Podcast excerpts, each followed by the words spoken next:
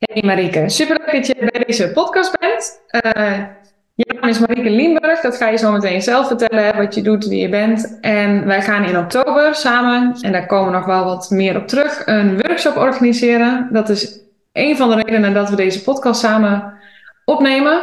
Maar tegelijkertijd denk ik dat het hoe dan ook een informatieve podcast is, omdat ik denk dat je we, we, waren net al even aan het kletsen voordat we starten met deze podcast. En ik denk dat we gewoon eigenlijk als je de podcast al luistert, al genoeg puntjes uit kan pakken dat je denkt, hé, hey, dat is een fijn haakje voor in de relatie met mijn hond. Dus uh, ja, het lijkt mij heel mooi. Hè? Uh, mensen die op mijn platform komen, die kennen mij natuurlijk al. Ik werk als hondencoach. En het is natuurlijk best interessant. Dan kom je nou als hondencoach bij een paardencoach. Maar laten we beginnen met jou. Dus uh, het lijkt me leuk als je je zou willen voorstellen. En dan ook ja, wat je doet en wie je bent. En ja, ik ben benieuwd. Ja, dat nou, leuk, uh, dankjewel. Um, nou, je hebt het al gezegd, hè? mijn naam is Marieke Lienburg. Um, 50 jaar jong, blijf ik dan maar zeggen. um, getrouwd met Wim, uh, inmiddels uh, al 26 jaar. En samen hebben wij twee dochters van 22 en bijna 25, Anouk en Fleur. En als gezin leven wij in het zogeheten paddock paradise, zoals we dat noemen. De natuurlijke leefomgeving waar onze paardenkudde woont. Um, ik ben eigenaar-directeur van Limburg Voorwaarts in Ontwikkeling. Um, wat ik ook samen run met mijn, met mijn gezin, laat ik dat uh, heel duidelijk voorop stellen. En um, Limburg Voorwaarts in Ontwikkeling staat voor communicatie, training en coaching. Nou, wat doe ik daar nou concreet in? Ik ben uh, interim senior communicatieadviseur binnen de overheid. Ik ben trainer en coach, waarbij ik me met name richt op teamtraining en teamontwikkeling, vooral met behulp van paarden. En ik ben coach, waarbij ik me uh, richt op individuele coaching sessies, waar natuurlijk die paarden onderdeel van zijn. Want dat is waar we het vandaag ook over hebben. Ja, zeker weten. En um, ja. Ja, je benoemde een heel mooi puntje. Als, je, als we het hebben over toch uh, dat informatieve stukje. Je hebt een Paddock Paradise. Uh, en ik weet, en daar zou je wat over kunnen delen, dat het natuurlijk ook een reis is geweest. Hè, die jullie, iets wat jullie ook heel graag wilden. Um, en je benoemde de, hè, de natuurlijke leefomgeving van een paard. Wat is daar zo belangrijk aan? Ja, dat is een mooie vraag, uh, Aniek. Um, mijn antwoord zou bijna zijn gewoon heel belangrijk. Maar ik snap dat dat te weinig is. Ja. Um, weet je, um, ik vind het heel belangrijk als je paarden houdt, dat je je dan verdiept in uh, het fenomeen paard. Dus wat heeft een paard nou nodig om zo optimaal mogelijk te kunnen leven? En daarvoor hebben wij ons verdiept in het Paddock Paradise concept. Dat is een Amerikaans concept waarin je probeert om de paarden een zo natuurlijk mogelijk leefomgeving te bieden Waarbij ik me realiseer dat dat natuurlijk um, niet helemaal haalbaar is. Hè. Weet je, als je kijkt naar de steppers en de toendra's, daar staan geen hekken en uh, uh, geen schrikdraad omheen. En daar hebben de paarden onbeperkt bewegingsruimte. Uh, maar wat we wel, zeg maar, hebben gedaan is, of ja, hebben gedaan en nog steeds doen, is de natuurlijke leefomgeving zoveel mogelijk nabootsen. Zodat paarden um, veel beweging hebben, op zoek moeten naar eten, op zoek moeten naar drinken. En als allerbelangrijkst samenleven in een kudde. Ja. Want het paard alleen uh, kan wat ons betreft absoluut niet. Um, dus dat is de reden dat wij hebben gekozen voor een kudde. Ja, en daarmee hebben we onze droom verwezenlijkt. Dat klopt. Ja, mooi. Ja, want als je de brug legt, als we de brug leggen naar honden, inderdaad, hè, wat, wat is een hond nodig om op zo optimaal mogelijk te leven? Er zit natuurlijk wel een groot verschil in, denk ik, dat een hond natuurlijk veel gedomesticeerder is dan een, ja. een uh, paard. Uh, ik vind het ook mooi dat je zegt, hè, het is niet 100% haalbaar. Dat, voor een deel geldt het natuurlijk bij honden ook wel. Uh, ongeacht dat er, ik vind er wel dat er zelf dat er een groot verschil in zit. Hè. Ik weet niet hoe jij dat ziet vanuit, vanuit jouw expertise, maar ik denk dat Um, nou, je natuurlijk het grote verschil ook dat een hond een, geen prooidier is. Hè, dus ook de manier om te overleven is heel anders. Maar uh, wat er zo mooi aan is, vond ik, is het stukje natuurlijke leefomgeving. En ja, als er geen natuurlijke leefomgeving is, laat ik daar dan even als vraag stellen. Wat gebeurt er dan? Als een paard geen natuurlijke leefomgeving heeft, hoe, hoe zie je dat dan terug bij een paard? Ja, uh nou, gaan we eerst even kijken, wat bedoel je dan met geen natuurlijke leefomgeving? En ik vul hem dan even in, maar kijk even of dat is wat je bedoelt. Um, voor mij is geen natuurlijke leefomgeving een omgeving waar een paard, um, nou zeg maar even 24-7 in een stal staat. Ja. En op het moment, dat is wel dat, dat is wel een beetje overdreven, denk ik. Maar goed, laten we ervan uitgaan. Een paard staat eigenlijk dag en nacht op stal. En komt daar alleen maar uit om uh, gereden te worden en dat soort zaken. Um, dan ontneem je uh, het paard zijn vluchtweg. Um, en daarin zie je dat paarden bepaalde gedragingen gaan ontwikkelen. Conditioneringen gaan ontstaan. Dat noemen mensen dan stalhonden vind dat ook wel grappig. Hè? Eerder zag je dat vaak bij maneges, uh, misschien weet je dat, dan, dan kon er zo'n bordje hangen, oh pas op hij bijt, of pas op dit paard trapt. ja, ik moet er ook een beetje om lachen. Um, weet je, je stel je voor, een paard staat in een stal van uh, 3 bij 4 of 4 bij 4, het maakt niet zo heel veel uit, er zit een deur voor. Um, iemand komt daar binnen, want die wil gaan rijden. Die heeft een hele drukke dag achter de rug heeft best wel veel energie nog bij zich. Um, doet die staldeur open. Zo'n paard voelt, wow, wat komt hier allemaal binnen. Maar kan niet vluchten. Ja. Um, een paard heeft geen aanvalsmechanisme, maar een verdedigingsmechanisme. Um, die kan niet vluchten. Dus wat kan die wel doen? Nou, bijvoorbeeld uh, ze willen naar iemand toe draaien. Of dan toch wel zijn tanden laten zien. Of wat voor gedrag dan ook. Um, nou, dat, dat is een van de effecten die uh, je kan boeken of wat er kan gebeuren op het moment dat je een paard uit zijn natuurlijke leefomgeving haalt. Ja. Ja, hij is mooi, hij is mooi omdat ik, ik moet natuurlijk denken aan, aan alle gedragsproblemen die we hebben met onze honden. En ook met paarden, hè? dan inderdaad zo'n bordje met pas op hij bijt. Of uh, dan zeggen nou dat is een lastig paard die uh, daar achter in die hoek staat. Ja. terwijl ik gewoon eigenlijk niet kan functioneren zoals hij hoort te functioneren als individu. Dus, dus gewoon het paard zelf, maar, of, of de individu bedoel ik dus eigenlijk. Maar ook het paard als dier zelf. Hè? Dus ik had laatst een podcast met, met Simone Ottervangers en die zei ook van... Uh, eigenlijk is het belangrijk met honden en met paarden ook dat je weet wat heeft een paard of een hond nou eigenlijk echt nodig om te kunnen functioneren. En uh, dit is eigenlijk het informatieve stukje, maar ik vond hem zo mooi omdat je dat stukje natuurlijk een, leer, een leefomgeving, uh, ook leeromgeving dan meteen, maar goed, een stukje leefomgeving uh, ja, moet creëren. Maar dan moet je eigenlijk wel weten, hé, hey, maar wat heeft een hond dan eigenlijk nodig? En daar zit natuurlijk ook een enorme scheefgroei hè, vanuit wat wij denken en, en lekker. Uh, en, en een hond is nog wat meer, hè, staat nog dichter bij ons en ze kunnen ook, ook in huis en op schoot en we kunnen er van alles mee. Maar ik denk aan de andere kant dat je dit met paarden ook wel ziet. Het gaat over ons. Wij willen op zo'n paard en wij willen gewoon van alles met zo'n beest. Zonder dat, zonder na te denken, wat heeft hij nodig om zo goed mogelijk te kunnen functioneren. En dan spreek je natuurlijk ook meteen over welzijn, over het welzijn van het dier op dat moment. Ja. Klopt. Ja, mooi dat ja, we hebben. Weet je, moet je denk ik ook, um, tenminste, nou, ik zou willen adviseren dat mensen zich realiseren dat uh, paarden prooidieren zijn. En daarom zijn het vluchtdieren. En dat is de reden waarom paarden zich manifesteren in een kudde.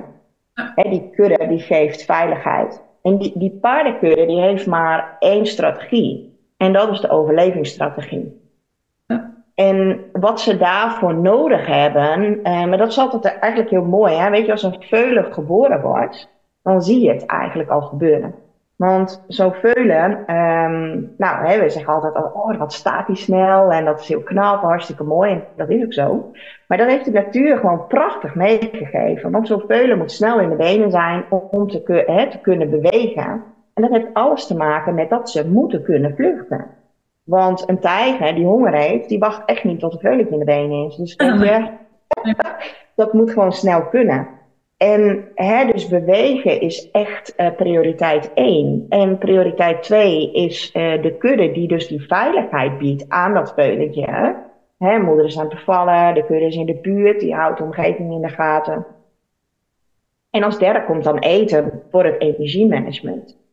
Um, en zo heb je eigenlijk dus te maken met zes elementen. Uh, bewegen om te vluchten, de kudde voor veiligheid en eten voor energie. En, en wat daar dan eigenlijk gewoon omheen uh, hangt, is, is de overlevingsstrategie. Want dat is de enige strategie die paarden dan hebben. En als we dan die, die brug leggen, Anneke, naar de honden.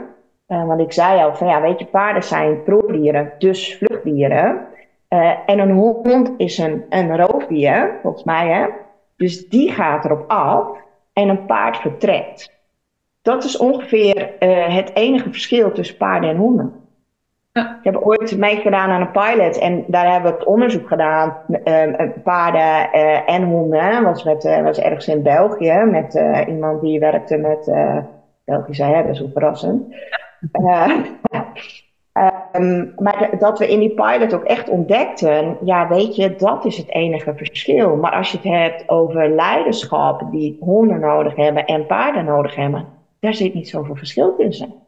Nee, nee überhaupt is, denk ik, leiderschap best wel universeel. Hè? Leiderschap aan jezelf, leiderschap aan een groep kinderen, honden, mensen, als, als leidinggevende binnen een bepaalde organisatie. Uh, en dat, dat, is ook meteen ook een brug trouwens hè, naar, naar uh, als we het dan even hebben over de workshop. We, organiseren op vrijdag 6 oktober samen een workshop. Ehm, en het bruggetje is eigenlijk dat als jij of als ik over leiderschap spreek, dan gaat het niet over leiderschap uh, van uh, jij moet de baas zijn en je moet domineren. Jij staat als hoogste in de rang, want dan, ben je, dan heb je het gemaakt. En je hond moet daar maar gewoon ondergeschikt aan zijn. Uh, en daarmee dus ook doen wat wij willen. Ik denk dat we al hebben verteld dat het dus niet gaat over ongewenst gedrag, dus een vals paard, dus een, uh, uh, een valse hond. Dat, dat is eigenlijk helemaal niet aan de orde. Maar als we het hebben over leiderschap en over, als ik even vanuit mezelf spreek, waarom ik deze workshop weer wil organiseren. In het verleden hebben we deze workshop al vaak georganiseerd. Een keer vier nu, denk ik. En we hebben in 2020 volgens mij de laatste keer gehad. En uh, uh, de reden dat ik hem wil is om dat stukje, als we het dan hebben over dat stukje leiderschap, of dat nou hond, kat, uh, groep kinderen of binnen een organisatie is, zit dat, gaat het over leiderschap in jou. En die is dus ook heel individueel. Hè? Daarover kun je ook niet zeggen, nou dat is in deze vorm gegoten en dan ben je de perfecte leider die zie je wel vaak in honden. Dan moet je zelfverzekerd zijn en je moet uh, kalm zijn en je moet zus en zo zijn. Nou, daar kun je van alles over zeggen, want wat is dat dan, kalm zijn en wanneer ben je zelfverzekerd? Maar dat is van Um, kom je wel meteen bij de clue van waarom organiseren we deze workshop? Om dat stukje leiderschap, als je mij vraagt, in jezelf te vinden. Hoe krijg je nou jezelf in beweging? Um, ja, heb je, heb je iets waarvan je zegt, nou, daar, daar haak ik op aan? Of... Um, eh, het is wat maakt voor jou dat je zegt: hey, dit, dit, is, dit zou een toffe workshop kunnen zijn? Wat maakt het succesvol? Ja, um, het is een beetje flauw te zeggen, maar de, de voorgaande workshops maken het sowieso uh, succesvol. Want wat hebben we daar ontzettend veel uh, enthousiaste reacties op gehad. Maar en niet alleen enthousiast, mensen die ook echt uh, essentiële informatie voor hun eruit, uh, voor zichzelf eruit hebben gehaald, die ze kunnen toepassen in het leven. Um, in het leven met hun hond. Maar waarbij ik uh, mensen ook heb horen zeggen, ja, niet alleen met de hond, maar ook gewoon in mijn eigen persoonlijke ontwikkeling. En um, wat het zo mooi maakt voor in dit geval hondeneigenaren. Um, nou ja, weet je, wij hebben het in onze kletspraatjes uh, buiten deze podcast om zo vaak erover gehad, weet je. En een hond die iets niet wil, of wat kleinere hond, die kun je onder de arm nemen en zeg ik neem je mee of een keertje wat harder aan de riem trekken en dan uh, lukt het wel. Um, dan lijkt het opgelost, maar niks is minder waar dan dat natuurlijk. Want het zit altijd op de vraag, um, waarom lukt iets niet? Waarom reageert een hond zoals die doet? Waarom reageer jij daar weer op zoals je erop reageert? Um, en dan is het paard van 5, 6, 700 kilo um, iets minder uh, makkelijk onder de arm mee te nemen. dus um, hè, dat is natuurlijk gewoon uh, onmogelijk. Maar ook aan een lijn gaan trekken gaat niet werken.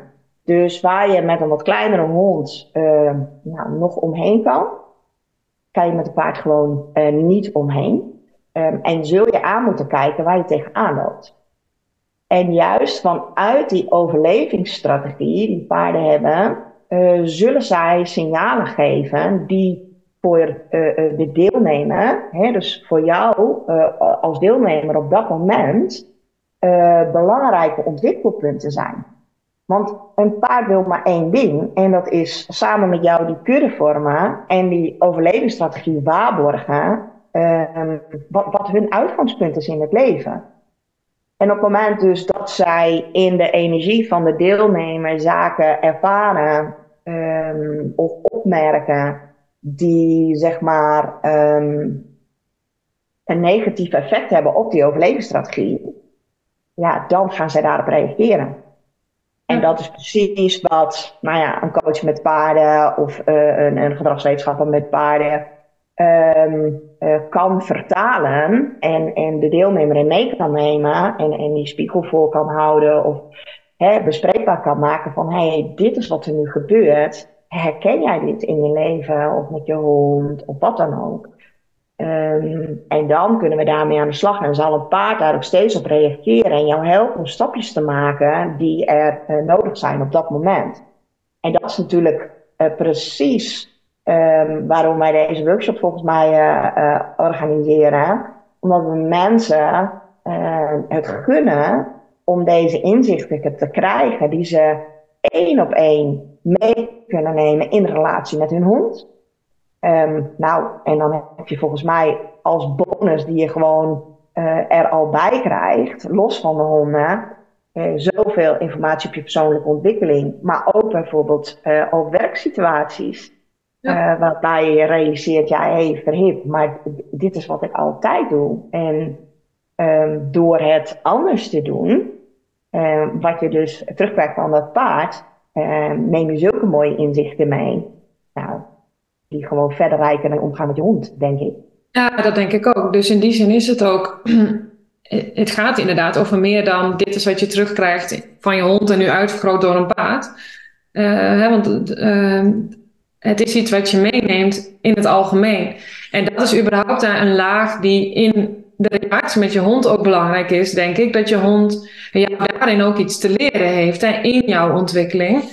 Uh, en ik denk een, een mooi stuk daarin, wat een, een dier natuurlijk, en zeker in de samenwerking met een paard en een hond waar je ook echt mee moet samenwerken om iets voor elkaar te krijgen, om, om ze in de stal te krijgen of ze naar buiten te krijgen, ik noem maar wat, dan uh, is natuurlijk het woord congruentie, die, uh, daar hoef ik niet heel diep op in te gaan, want dat komt met de workshop, komt dat, komt dat voor. Met het stukje congruentie moest ik wel aan denken, omdat je net ook iets zei van uh, ja, mijn hoofd schiet nu alle kanten op. Hè, maar uh, uh, we hebben het net gehad samen al even over die verschillende invalshoeken, over die uh, energieën, die, hè, de, de, hoe, we, hoe ieder mens dat eigenlijk anders kan waarnemen. Dus de een doet ook veel met, met de energie van buitenaf en, en een ander misschien wat minder. En hoe, wat dat doet in de relatie.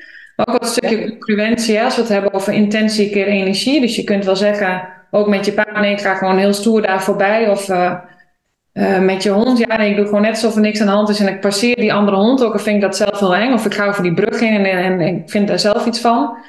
Uh, maar als het niet klopt, als het niet congruent is, dan haakt een dier natuurlijk af. Want die scant die energie en die denkt, ja, maar wacht even. Uh, dit is geen veilige basis eigenlijk om samen verder te gaan. Um, een ander stukje wat ik je ook mooi hoorde zeggen, was hè, dat, dat een paard signalen geeft. Ik heb hem heel klein beetje al wat veranderd naar die brug naar paarden toe van. Signalen geeft voor deelnemen die belangrijk zijn in communicatie voor samenwerking. Zo heb ik hem even iets anders vertaald, omdat je met honden natuurlijk datzelfde stukje hebt. Um, een hond geeft continu signalen af om aan te geven: hé, hey, zo kan ik samenwerken met je, zo ben ik nog met jou in verbinding of niet zit natuurlijk altijd een stukje eigen beleving bij. Dat is natuurlijk met paarden ook zo. Ook als je met, hè, met de deelnemers in de bak staan, heb je ook gewoon signalen omdat signalen er zijn, omdat ze van alles beleven en meemaken. Klopt. ja, dat is wel uh, een stukje. Als je het hebt over uh, natuurlijk leiderschap, wat betekent dat dan voor jou in, in, in het werken met een paard of met een hond of vanuit jezelf? Ja. Um, nou, ik werk heel graag vanuit uh, de vijf basisprincipes binnen het natuurlijk leiderschap. En um, weet je, er was um, ongeveer 50 jaar geleden, en misschien wel langer, maar is niet heel interessant, was er een, een cowboy, zeg maar, die op dat moment als 13-jarige jongen, um, als een soort van straf, de, de de, de steppers en de toenra's op werd gestuurd, omdat zijn vader hem gewoon eigenlijk ehm, hartstikke zat was. ik denk dat hij vreselijk aan puberen was. en samen met zijn broer heeft deze jongen een aantal weken in een paardenkudde geleefd. in verschillende paardenkuddes. En dat was in Amerika. En um, zij hebben daar tijdens um, die observaties die zij daar hebben gedaan, zulke prachtige ontdekkingen gedaan. Die we eigenlijk vandaag de dag nog gebruiken in het werken met paarden.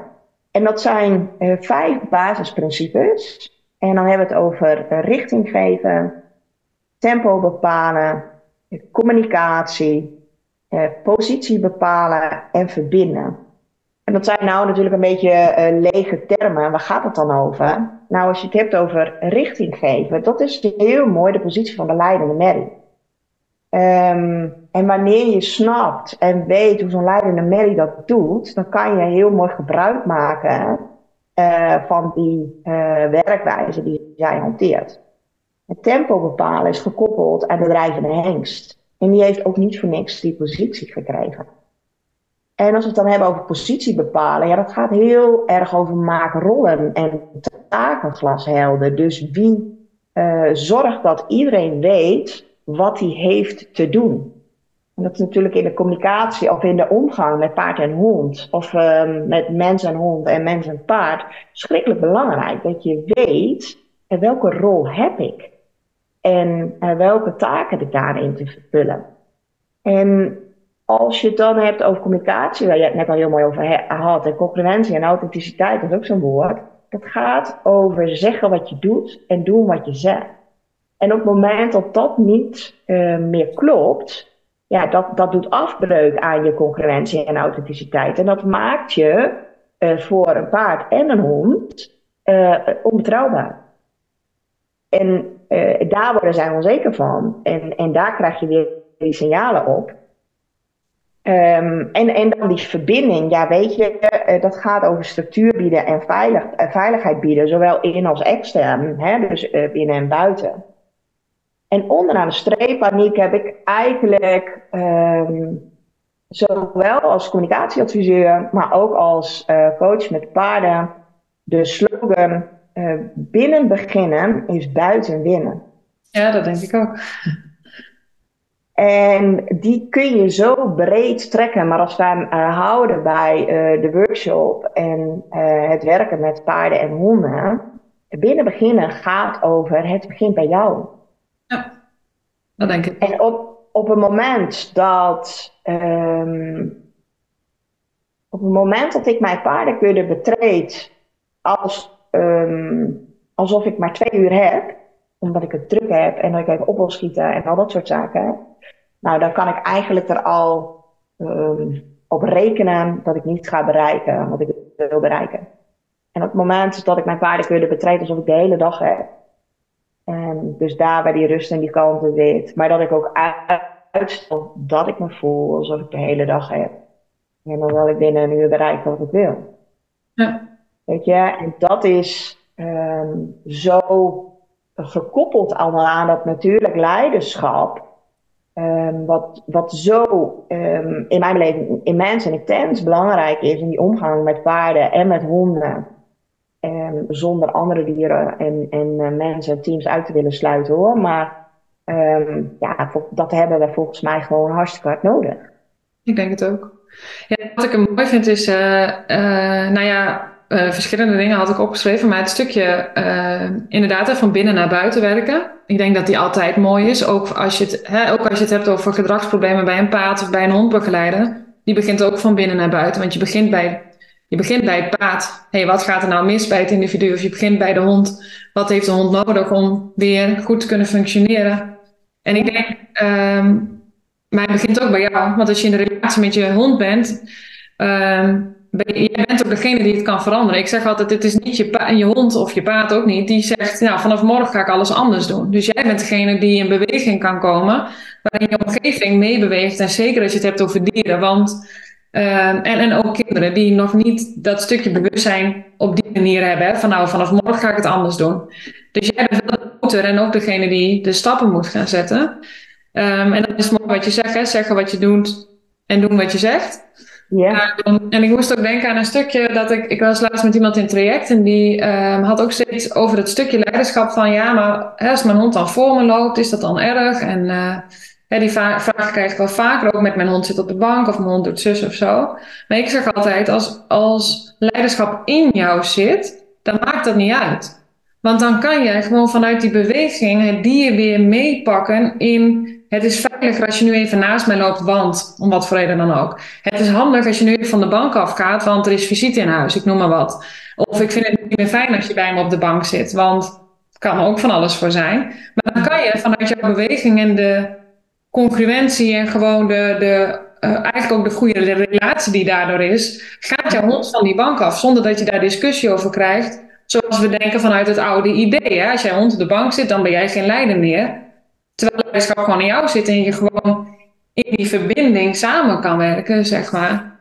En, ja, dat is een andere ingangshoek dan, en dan die trucjes. Ook met paarden heb je, heb je dat vast ook. Hè? Met honden heb je heel erg de trucjes van nou, hond naast je en dan jij voor en dan ben jij de leider. Maar dan denk ik altijd ja, maar als die dan niet klopt, innerlijk zeg maar, dan, dan heeft je hond niks aan dat, aan dat hele idee van nou, ik, zij staat nu voor me, top. ja. goed, ja. Dat is natuurlijk, uh, en zeker, een, ik denk dat een paard dat inderdaad wel wat meer uitvergroot weergeeft. Daarom is zo'n workshop zo mooi.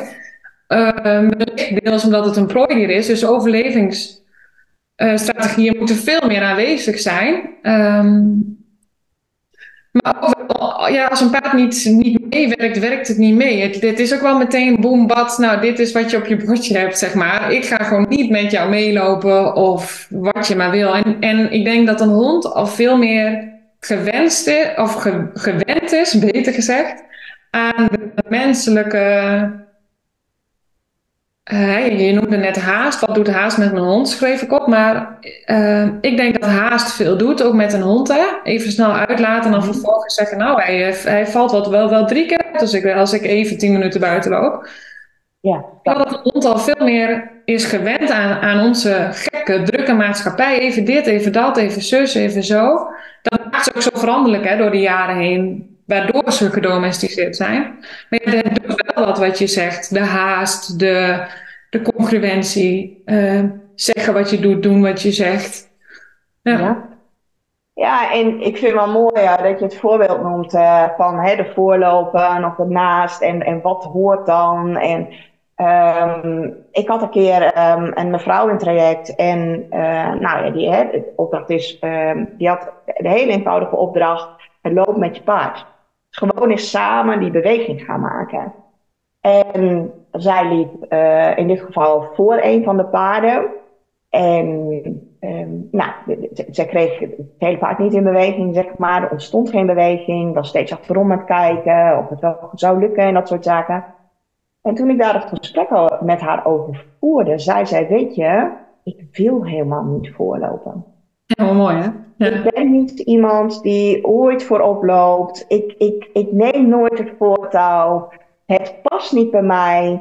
En terwijl we het daarover hadden, zag je, uh, uh, nou, zij werkte met Billy op dat moment, mijn aflinger. En uh, zag je Billy steeds meer ontspannen. En die ging briezen en likken en kauwen. Nou, dan noem ik al wat kalmerende signalen die we gingen zien. En terwijl zij aan het praten was, deed hij zo stapje voor stapje, kwam hij eens wat naar voren en zij ging met hem meelopen en ze kwamen samen in beweging. Omdat zij iets deed wat helemaal niet bij haar paste, was zij hartstikke incongruent in haar houding. En wat hij wil zien is, ja weet je, kan ik op jou vertrouwen uh, op het moment dat daar een, een, een, een, een, een, een tijger is die honger heeft? En op het moment dat jij incongruent gedrag laat zien, dus niet congruent bent, kan het paard niet op je vertrouwen. En op het moment dat je gaat erkennen, of ik moet eigenlijk zeggen herkennen en erkennen, hé, hey, maar dit past helemaal niet bij mij en ik vind dit hartstikke ingewikkeld en we gaan daar het gesprek over aan, dan ben je authentiek. Ja. Dan doe je wat je zegt en zeg je wat je doet. En, en daar vindt, dan verandert er iets in die energie. En dan kan zo'n paard ook weer zeggen, hé, hey, maar op dit stuk kan ik aansluiten. En die, dus zo'n paard verstaat echt die woorden niet hoor, net als honden niet natuurlijk hè.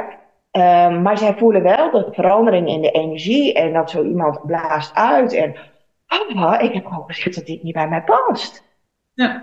ja, dat is mooi. En dan klopt het weer. Ja, nee, dat paard, dit past inderdaad niet. en, en, en, dan sluit hij aan, hij briest een keer en nog eens een keer, eh, afhankelijk van de hoogte van de spanning die er is opgebouwd. En, en dan kan daar een, een beweging uh, plaatsvinden. En, en nou, soms is dit inzicht gewoon genoeg en, en is daarmee eigenlijk de opdracht voltooid. Ja, dat, dat denk ik ook. Ik denk ook dat je hele mooie dingen zegt van uh, je, je, kan ik op jou vertrouwen in samenwerking? En die zeg ik ook heel vaak met honden. Dan zeggen mensen, ja, ik kan mijn hond niet vertrouwen, want hij doet dit en dat. En ik zeg altijd, ja, maar kan jouw hond jou vertrouwen? Kan jouw hond er 100% van op aan in de samenwerking, dat je er bent, dat je er staat? En dan heb je ook het andere stukje, want dan heb je het bruggetje naar de, bruggetje naar de signalen toe. Mhm. Dat zal bij paarden ook zo zijn. Kijk, bij honden is het ook zo dat we echt tig signalen missen, waardoor dat vertrouwen eigenlijk ook beschadigd wordt. Want de hond fluistert al heel langzaam, jongens, ik vind hier wat van, ik vind het spannend, ik vind het ingewikkeld. Uh, ook wel als je het hebt over dit bruggetje ik zit in een positie die ik niet fijn vind. Want hè, tegenwoordig is het allemaal van ja, je hond mag gewoon voorop lopen, mag overal lopen. Dat zal wel. Maar als jij ergens loopt met jouw hond in een park en je komt op afstand een hondenuitlaatservice tegen met zes honden, die komen op jou af. Dan kan ik me ook voorstellen dat er honden zijn die zeggen, ja, maar dit trek ik niet in deze positie. Dat is hetzelfde verhaal als die hond. Dus er zijn honden die denken gewoon, of hetzelfde verhaal als die vrouw, hè, dat, je, dat je in die positie staat en dat je zegt, ja, maar dit kan ik echt niet incasseren. En dan is het soms wel zo simpel dat als je zegt: hé, hey, maar weet je, ik loop wel voorop, kom even naast me en dan loods ik jou er doorheen. Ja, tuurlijk, je kan ook een ander pad in, dus dat mag ook. Maar het, het, het principe is wel hetzelfde. En wat ik, um, als we dan nog even weer een heel klein stukje terug gaan naar die signalen, wat ik mooi vind is, um, als je het hebt over congruentie, over samenwerking, daar krijg je die signalen op, noem je op een gegeven moment. Hè? Dus um, paard staat met iemand in de bak. Er gebeurt van alles. Er is incongruentie, onzekerheid, noem het op wat er allemaal zou kunnen zijn. Paard laat signalen zien. En ik zeg heel vaak, kijk, stresssignalen is best een vaag begrip voor heel veel mensen. Want het begint al bij, oh jee, mijn hond heeft stress. En dat willen we niet, want het doet vermoeden alsof hij niet lekker in zijn vel zit. En ik zeg altijd, ja, zijn stresssignalen, die ontstaan gewoon vanuit de stresshormonen die aanwezig zijn. Dat is gewoon een fysieke reactie. Je hebt de kalmerende signalen, gewoon ook nou ja, laat ik zo zeggen. Ik zeg altijd, het, het, is gewoon, het zijn gewoon communicatiesignalen waarvan je moet weten dat er wat is. En, maar soms is het ook feedback. Dus soms zie ik een mens met een hond werken, waarin het heel onduidelijk is van, hé, hey, wat, wat vraag je nou eigenlijk van me? En dan laat die hond stresssignalen zien. Maar dan vervolgens zie ik wel dat er uitgelegd wordt, ja, de hond heeft stress, je moet nu stoppen. Nee, wacht even. Kan ook zijn dat de hond zegt, kunnen, kan jij in je communicatie iets aan mij geven? Want ik heb wat anders nodig dan er nu is. Dan, dan is het natuurlijk lastig om te zeggen, je moet stoppen, want je gaat nu over de grens van de hond heen. Dat is een wezenlijk verschil. Ja, ja super. Dat is, ja. Heel mooi. Wat je, eh, dat vind ik echt heel mooi. Uh, heeft stress, dus we moeten nu stoppen. Ja. Uh, ja, dat is veel te kort door de bocht. En dat zie je bij paarden ook. Um, wat, de, de, vraag is volgens mij steeds: wat is het signaal? Wat laat hij zien? En wat heeft hij mogelijk nodig? En dan zou het kunnen zijn dat stoppen een optie is. Precies, zeker. Absoluut. ja, dat. Of dat het juist, dat, dat de feedback die jij heel mooi noemt, is: hey, geef mij meer duidelijkheid. Dus uh, uh, wees duidelijker in je communicatie. Um, en dan kom ik direct op, welke, op de vraag welke communicatie dan. Um, hè, want dat zit hem natuurlijk. Uh, hè, wij zijn nu ook aan het communiceren, aan het praten met elkaar. Maar het zit bij paarden natuurlijk, en, en bij honden denk ik ook, uh, ontzettend op lichaamstaal. Enorm. Maar ja, eigenlijk als wij, ik bedoel, we doen het nu al, maar onderling is het ook zo. Kijk, stel wij zitten samen op de bank en jij vertelt iets dat, dat doet iets met mij. En ik merk dat ik een wat gesloten houding aanneem. En ik ga een beetje zo zitten. En ik denk van ja, nou ja, dat weet ik niet zo goed wat je daar zegt. Of wat je, hoe je het wilt interpreteren. Indirect heb je eenzelfde vorm van feedback. Omdat de hond gewoon, of, of de mens of het kind, eigenlijk aangeeft.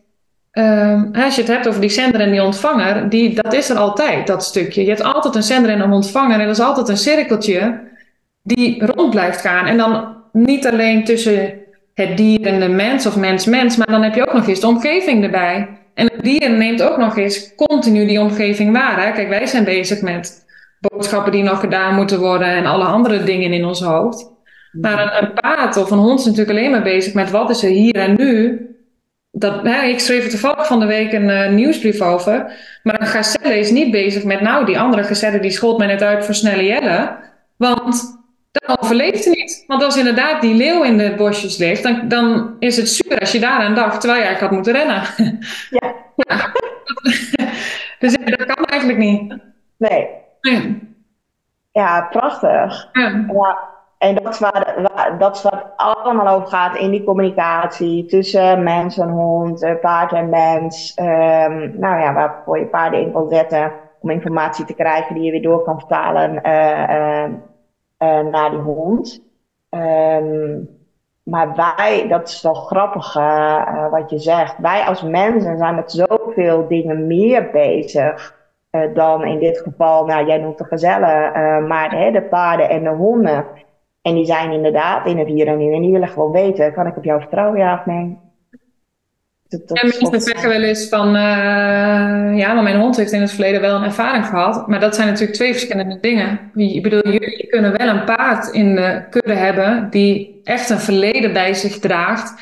En daardoor getraumatiseerd is of wat dan ook, problemen heeft. Maar hij neemt wel hier en nu waar. En dat zijn eigenlijk twee verschillende dingen. Want als die niet hier en nu waarneemt, zijn zijn overlevingskansen drastisch verminderd. Ja, ja en daarvoor geldt ook. Um, de valkuil is denk ik, als het gaat om traumatisering bij dieren, um, dat we daar medelijden mee gaan hebben. Ja, dat denk ik ook. Ja. En dat betekent niet dat we er geen empathie voor kunnen hebben, geen begrip voor kunnen hebben, of er geen rekening mee kunnen houden. Maar het, kan, uh, het moet niet leidend zijn, want ook daarin um, ja, kan het effect heel tegenstrijdig zijn. Hè? Als jij dan ook in die energie van oh, zielig en agossie en oh, dat soort zaken, nou, dan, dan zakt de energie behoorlijk. En dan komt zo'n zo dier niet in zijn kracht. Terwijl ik ben ervan overtuigd op het moment dat je gaat kijken naar het aanbieden van nieuwe ervaringen. En ja, ik zeg altijd, we gaan, je kan een dier niks afleren. Je kan hem, uh, of een paard of een hond. Uh, je kan hem wel een, een, een, iets nieuws aanleren. En dat vertaal ik altijd naar de nieuwe film uh, gaan regisseren. Samen met, in dit geval, met je paard. Um, en, en dat is ook wat ik doe in, in, in, revalidatie. Hè? Wanneer paarden die moeten revalideren, trainen, getraumatiseerde paarden. Altijd kijken hoe kunnen we een nieuwe film aanbieden. Zodat het weer gaat over het vertrouwen. Ja. Maar dan hebben ze mij in dit geval als trainer wel nodig dat ik richting kan geven en van daaruit tempo kan bepalen en eerlijk communiceren. Nou, en dan kom ik weer op de basisprincipes. Um, zonder voorbij te gaan aan het leed wat uh, hen is aangedaan of het trauma wat erin zit. Nee, helemaal niet. maar het woordje zegt het ook mooi. Hè? Als je gaat meeleiden met je hond, ben je geen verankeringspunt meer of met je paard. Dus je, dus je, je doet hetzelfde als je hond, terwijl je hond eigenlijk een haakje zoekt om, om, om een soort houvast aan te hebben. En die ben jij. En dat is inderdaad een wezenlijk verschil met ik zie je staan, ik zie je pijn, ik zie je angst, ik zie je noem het op wat. Maar dat is, dat is heel wat anders dan Um, uh, ook, en, en ook de gevolgen die eruit ontstaan, het, het, het overbetutteren en, en, al dat gedrag, daar schiet je uiteindelijk niks mee op. Of het wordt zelfs erger. Want, en niet omdat het gedrag erger wordt of angst wordt beloten, dat is, dat is voor mij allemaal niet aan de orde, maar meer, uh, ja, ik geloof wel ergens dat je de energie wel heel erg op, op iets legt dan, terwijl het gewoon inderdaad een, een nieuwe film nodig heeft. Er moet, iets, er moet een nieuwe weg komen. Ja. ja. En je wil het openbreken, hè? En weet je, en alles wat je aandacht geeft groeit. En als die dat, dat trauma wat leed of wat dan ook zoveel aandacht krijgt, ja, dan, dan brek je het in ieder geval niet open. Terwijl je eigenlijk wil zeggen, hé, hey, we geven jou een veilige uh, bedding en, en we laten deuren openen uh, waar je weer kan kijken van, hé, hey, hoe kan ik daar dan leven? Um, nou ja, dat, dat is dan aan ons om, uh, om in dit geval paarden, maar ook honden daarin te ondersteunen en dat je dat realiseert.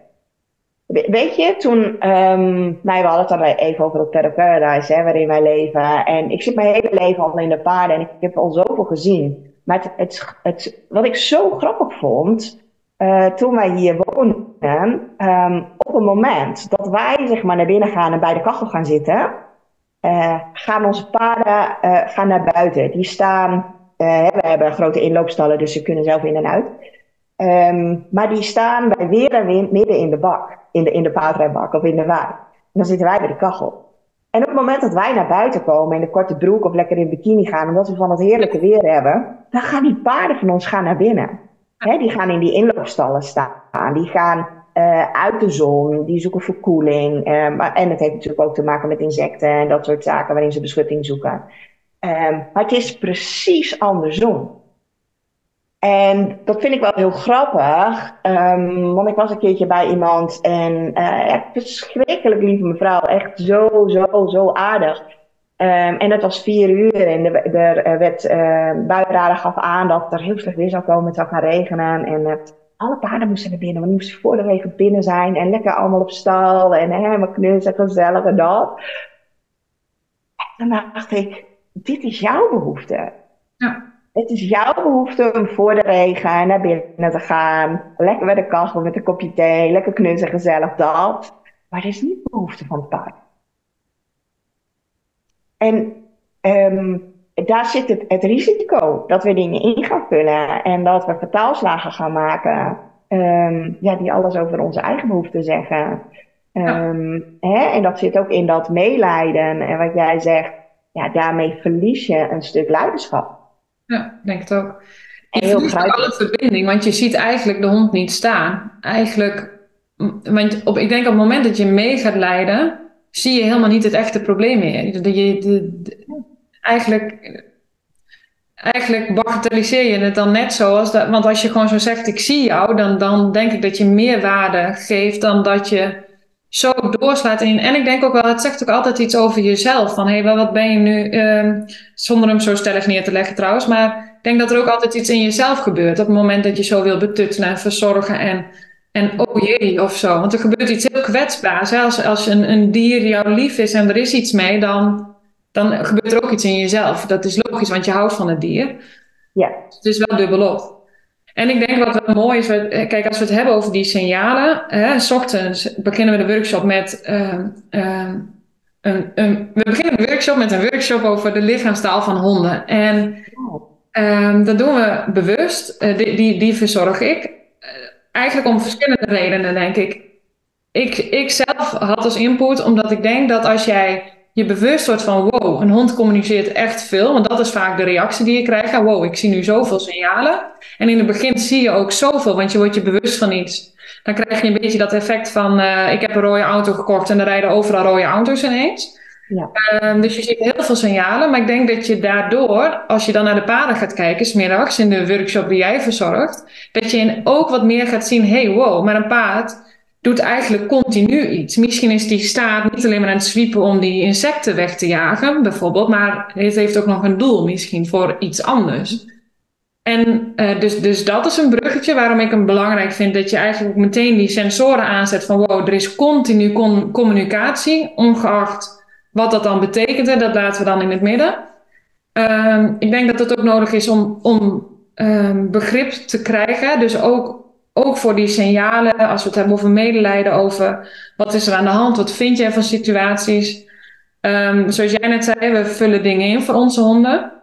Die doen we ook vaak omdat we eigenlijk niet weten wat het betekent. Dus we zien signalen bij een, bij een dier en we denken, oh jee, weet je, uh, wat het dan ook is. En ik denk dat dat wel de grootste reden van miscommunicatie is dat we denken dat de hond A zegt terwijl het Z is. En ja, dat is, dan is het logisch dat daar een enorme kloof tussen zit. En dan zeggen we vervolgens ook nog, ja, maar hij misdraagt zich nu. Nee, maar wacht even. Heel veel problemen zijn eigenlijk al, kun je voor de helft al oppakken door gewoon te kijken naar de signalen. Maar dan zie je ook in één keer dat mensen eigenlijk het probleem in de lading geven. Omdat ze zien bijvoorbeeld dat de hond eigenlijk helemaal niet zo op zijn gemak is in dat hondenpark. En dan denken ze, ja, ja, waarom zou ik dan naar dat hondenpark gaan? Want als jij het niet leuk vindt, ik ben hier voor jou notabene, snap je? Ja. En dan heeft het een totaal andere invalshoek. Ja. Dan, dan uh, lekker met je paard of met je hond gewoon even keuvelen en samen zijn en gewoon uh, uh, zoiets doen. Hè? Dat, is, dat is een wezenlijk verschil als je de behoeften van je, van je dier kent. Maar die begint dus wel ook bij de communicatie kennen. Ja, en als ik spreek voor het brugje vanuit mijzelf, maar, maar ik kom graag ook terug bij jou zo meteen met het stukje van. Hij had net een, net een voorbeeld van uh, uh, de vrouw in de bak die uh, met een simpele oefening uh, neem het paard gewoon mee in beweging. Dat was natuurlijk. Hè, ik, ik ken Marieke volgens mij sinds dat ik een jaar of 15 was. Ik ben nu ruim 29, dus dat is al heel wat. Het zijn al heel wat jaren. En ik weet nog dat een van de eerste oefeningen ook was, weet je. ja, neem dat paard maar mee in beweging. Dus ik stond midden in een weiland of een bak met uh, ongetwijfeld Billy. Ook van, hè, weet je, uh, ga maar, doe maar. En ik kreeg dat paard natuurlijk ook voor geen mogelijkheid mee. Um, en ik weet ook nog wel heel erg het gevoel hè, van, van kwetsbaarheid eigenlijk. Dat je daar dan staat en ja, dan sta je daar midden in die bak. En, um, maar wat het mij het meest heeft gegeven is... Uh, ik zit even kijken naar het bruggetje. En de oefeningen die als ik eigenlijk nu heel vaak doe hè, met mijn hond. Want toen ik naar Amersfoort ging verhuizen, nam ik mijn hond mee. En kreeg ik vaak te horen, ja, het ligt aan jou, jij bent onzeker, jij hebt niet genoeg zelfvertrouwen. Toen dacht ik, ja, dat klopt, ik heb ook niet altijd genoeg zelfvertrouwen. Maar het is ook niet zo dat ik door en door onzeker ben en zo. Maar door de oefeningen die ik bij jou heb geleerd, hè, vanuit dat stukje, hoe krijg je nou zo'n paard mee in beweging? Um, is Nederland mijn beste psycholoog geworden, omdat ik die vertaling kon maken en eigenlijk daardoor ben gaan zien dat, dat er niet zoveel verschil in zit. Dus de oefeningen van um, uh, hoe krijg ik hem mee in beweging, maar ook congruentie, maar ook wel, hè, ik zeg wel eens, ik heb heel veel jaren ben ik bij jou geweest, maar als je mij nu op een paad zet, is het absoluut niet zo dat ik vaardig genoeg ben om even lekker een buitenrit te maken. Dan zou ik het heel fijn vinden dat er op zijn minst een vaardig iemand bij is.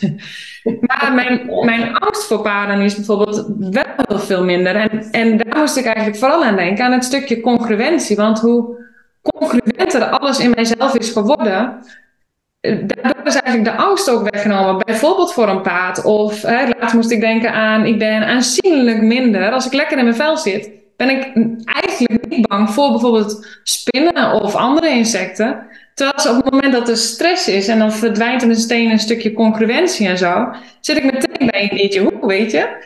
En ik vind het gewoon heel mooi dat je, uh, als je het hebt over wat is de meerwaarde van zo'n workshop, dat is dat je oefeningen meekrijgt die je gewoon daarna ter plekke met je hond kan oefenen. Hé, hey, wat deed ik met dat paard? Hoe voelde dat? Wat kreeg ik mee? Wat was de feedback? Het is één op één hetzelfde. Ja. Ja, fantastisch. Ja. ja maak je een van mijn grootste ambassadeurs, hè? absoluut. zeker waar. Ja. ja, fantastisch. Ik kan me alleen maar helemaal aansluiten bij wat je uh, nu allemaal zegt. En, um, want eigenlijk zeg jij um, heel mooi tussen de regels door, weet je, uh, het werken met de paarden heeft me een soort van uh, levensstijl gegeven en die ik zo mooi kan toepassen in mijn leven en, en in mijn leven met de hond. Um, ja, dat het, dat het uiteindelijk gewoon, um, ja, ik hoor jou ook wel zeggen dat het echt intrinsiek bij jou gezakt is. 100 um, ja. 100 procent. Ja, dus... ja, het is zelf zo. Ik, ik heb, ik, ik wilde niet leren paardrijden, maar ik heb geleerd mij zelf te voelen. Wat voel ik? Hoe zit dat in mij? Hoe werkt dat voor mij? Wat gebeurt er als ik X doe? Wat gebeurt er als ik X voel? Wat doet, wat doet dat met de omgeving? Dat is wat ik heb geleerd. En wat gebeurt er in mijn energie? En als ik mijn energie zo inzet, wat doet dat, wat doet dat met de omgeving? En dat heb ik um, uh, op een gegeven moment, hè, met, met mijn hond ben ik gewoon, um, ja, ik ben maar gaan scholen uh, tot het werk wat ik nu doe, maar er zijn ook veel mensen bij mij thuis gekomen omdat ik een probleem had. En daar bleef ik me steeds op dat stukje oppervlak van ja, het ligt aan jou, een stukje leiderschap allemaal trucjes binnen dat leiderschap. En hond moet naast je, hond moet achter je, weet ik het. En dat ik dacht, ja, maar er klopt iets niet, want hij is niet congruent. Dus dan moet ik altijd denken aan wat jij mij hebt geleerd. Hè? Die, die ruggengraat die zo plak, blok, blok, al die blokjes op elkaar. Dat ik dacht, deze valt niet. Hij klopt niet. Hij is niet, hij verankert niet in mij. En uiteindelijk is dat wel wat je hond vraagt. Wil je dat stukje oppakken? natuurlijk, een hond vraagt ook andere dingen. Maar, uh, dus ik heb kilometers in Amersfoort gelopen Waarbij ik gewoon ben gaan lopen en ben gaan uitbreiden naar. Ik begin met de lijn, dan heb ik zelf een fijn gevoel. Maar ik wil het uiteindelijk kunnen dat jij los naast mij loopt en dat ik vanuit die verbinding met jou kan samenlopen. En op een gegeven moment liep ik uh, op het station, uh, op alle drukke plekken waarbij wij samen in verbinding waren, zonder dat de rest nodig was. Maar dat was wel die bubbel, zeg maar. En die heb ik ook echt bij jou ook geleerd. Dus in die zin, de, de vertaling, het stukje energiewerk. Um, ja, past zeg maar ook wel in het lijstje van opleidingen die ik heb gevolgd in die zin. Ja, dat is echt wel, uh, kan het heel veel toepassen. Ja, ja super mooi. Um, ehm. ja, ik moet even denken, jij zegt uh, van hè, met de hond gewandeld en uiteindelijk is mijn doel, hij moet los kunnen staan uh, um, of los met jou weet je, dat de verbinding tussen jullie is en dat dat lijntje helemaal niet uh, ter zake doet. En na gisteravond waren uh, onze meiden hier met de paarden bezig aan het rijden. En, uh, en voordat ze gingen rijden stonden de paarden gewoon los met uh, opgezadeld worden. En toen zeiden ze, oh, dat is toch fijn hè, dat de paarden gewoon blijven staan. En, uh, en toen zei ik, ja, zeker is dat fijn, maar realiseer je ook waardoor dat komt. Ja. Weet je, um, op moment dat die verbinding optimaal is, dan hoeft het allemaal niet vastgebonden te worden. En um, A, wil ik dat die verbinding er is, maar B, wil ik ook. Je hebt soms situaties dat je paard even niet vast kan zetten. Ja, En op het moment dat, uh, hè, weet je, wij dan zeg maar dat touw over die rug leggen en wij hebben optimale, optimale verbinding en goede communicatie en hij weet van, nou ja, ik ga nu gewoon hier wachten, um, dan is dat zo. Weet je, maar dat vraagt dus echt die, die, die energieuitwisseling. Je realiseren wat is mijn invloed op het paard of de hond. Uh, wat straal ik uit? Wat is mijn lichaamstaal? Uh, klopt het wat ik doe? Uh, bedoel ik wat ik zeg? Gaan zeg ik wat ik doe? Nou ja, al dat soort zaken. En dat is natuurlijk wat we heel mooi um, op die 6 oktober ook um, gaan doen samen. Hè, waarin jij heel mooi uh, met dat stuk lichaamstaal uh, van die hond aan de slag gaat. Um, maar die ik uh, smiddags, zeg maar, hè, de, brug sla van het ochtendprogramma naar het middagprogramma. Van hé, hey, wat, wat hebben we gezien en gehoord bij Aniek in nou, een stuk theorie noem ik het dan even. Ik weet zeker dat het meer is dan dat.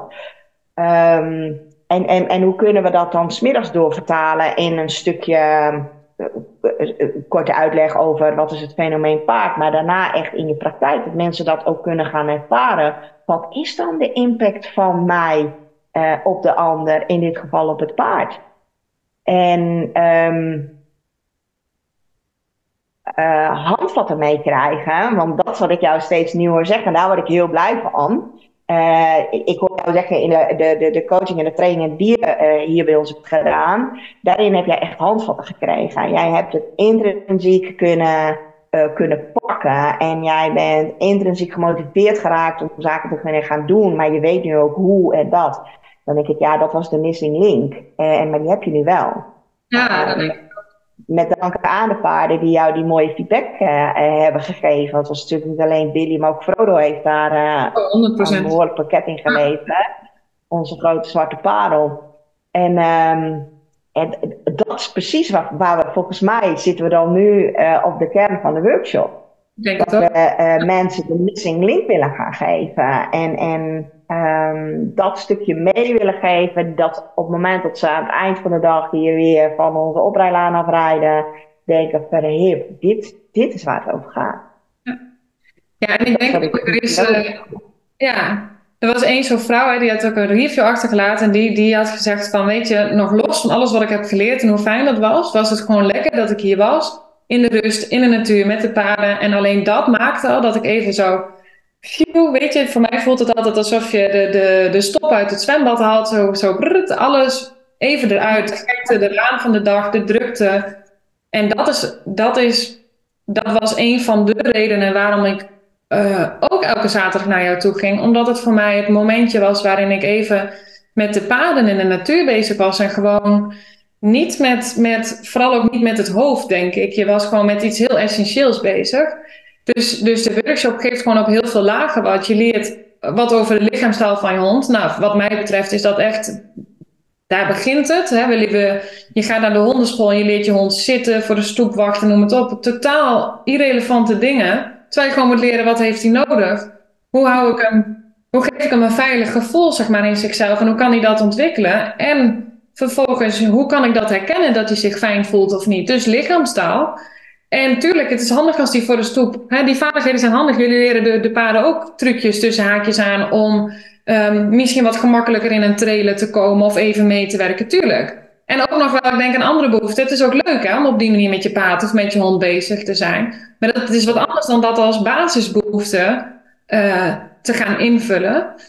Uh, nee, daarbovenop komt natuurlijk gewoon een stukje persoonlijke ontwikkeling wat je in de workshops oppakt. Dus in alle gevallen heb je er wat aan. Um, een stukje uh, voelen, maar ook gewoon verzachting. Een stukje um, gewoon ook lekker bezig zijn buiten in de natuur, uh, met, met dieren. Ik denk als dat je ligt, ligt de workshop je überhaupt al. Volgens mij beide dan al, maar dat is dan even eigen invulling. Maar, ja. ja, het zit echt op beleving, hè?